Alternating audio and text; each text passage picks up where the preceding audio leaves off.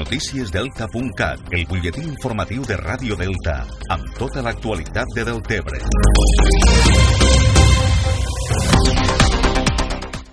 Lluís Soler, actual alcalde i candidat d'Enlairem del Tebre, es presenta a les eleccions municipals del maig amb la voluntat de donar continuïtat al projecte polític encetat esta legislatura per transformar del Tebre. Soler, en una entrevista a Ràdio Delta, ha reconegut que serà molt difícil assolir una majoria absoluta i ha posat en valor el fet que hagin aconseguit governar quatre anys en minoria i que hagin pogut dialogar i arribar a acords amb totes les forces polítiques per tirar endavant totes les seues propostes. Soler, que presentarà la candidatura que l'acompanyarà a finals del del mes d'abril, ha assegurat que mantindrà la confiança de la majoria de regidors actuals a nivell nostre, a nivell del govern municipal de Deltebre que hem tingut durant aquests quatre anys, ha hagut una molt bona sintonia. Per tant, què vol dir això? Pues que he d'agrair a un i a cadascun dels regidors i regidores que m'han acompanyat durant aquests quatre anys.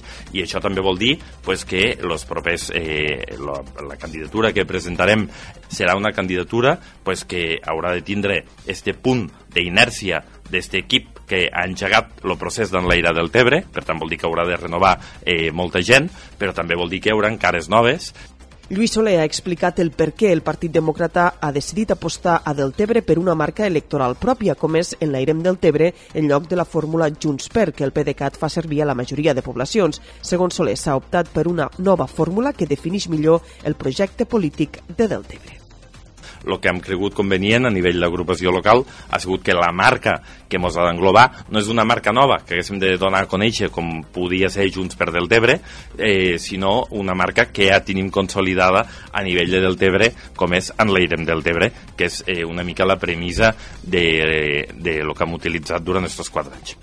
En l'Airem del Tebre defensarà durant la campanya electoral l'acció de govern realitzada a l'Ajuntament de Deltebre, on actualment tenen en redacció o a punt d'executar fins a 55 projectes d'obra pública. D'altra banda, la Unió Excursionista Lo Passador ha obert ja les inscripcions per a la marxa de BTT Camins de Fang de Deltebre, que tindrà lloc el primer diumenge d'abril. És una crònica de Lluïsa Bertomeu. La Unió Excursionista Lo Passador i l'Ajuntament de Deltebre organitzen la tercera edició de la marxa BTT Camins de Fang, que tindrà lloc el primer diumenge d'abril amb dues propostes de rutes perquè puguin participar tots aquells aficionats, grans o joves o professionals a la bicicleta.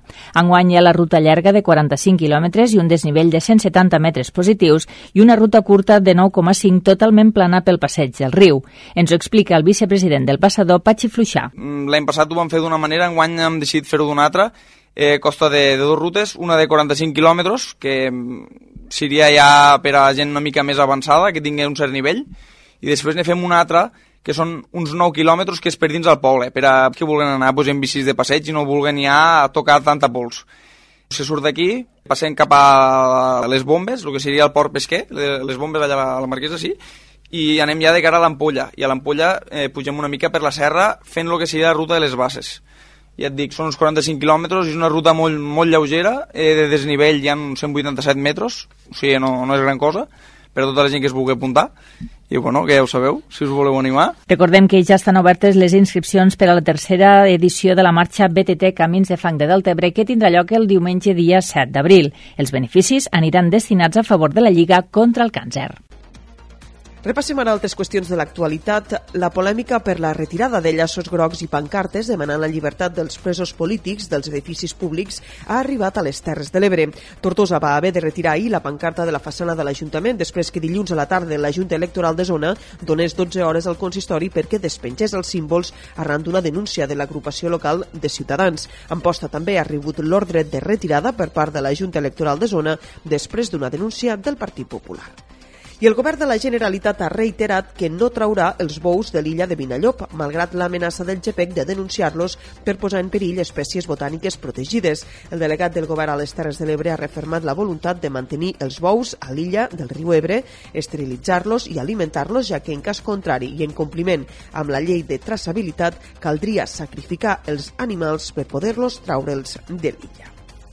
Encara un últim apunt. El programa radiofònic El Far, que emet Radio Delta i que realitza conjuntament entre diverses ràdios municipals de Catalunya, ha rebut una menció a la qualitat en els Premis Radio Associació. El programa El Far es pot escoltar per les ràdios locals de dilluns a divendres de 4 a 7 de la tarda i es va posar en marxa a principis de setembre i té com a objectiu unir el litoral català a través de l'actualitat però també de les tradicions, la gastronomia i l'esport. El programa està capitanejat des de Ràdio Arenys de Mar i compta amb la participació de Canal Blau, la Cala Ràdio, Ràdio Delta i Ràdio L'Escala.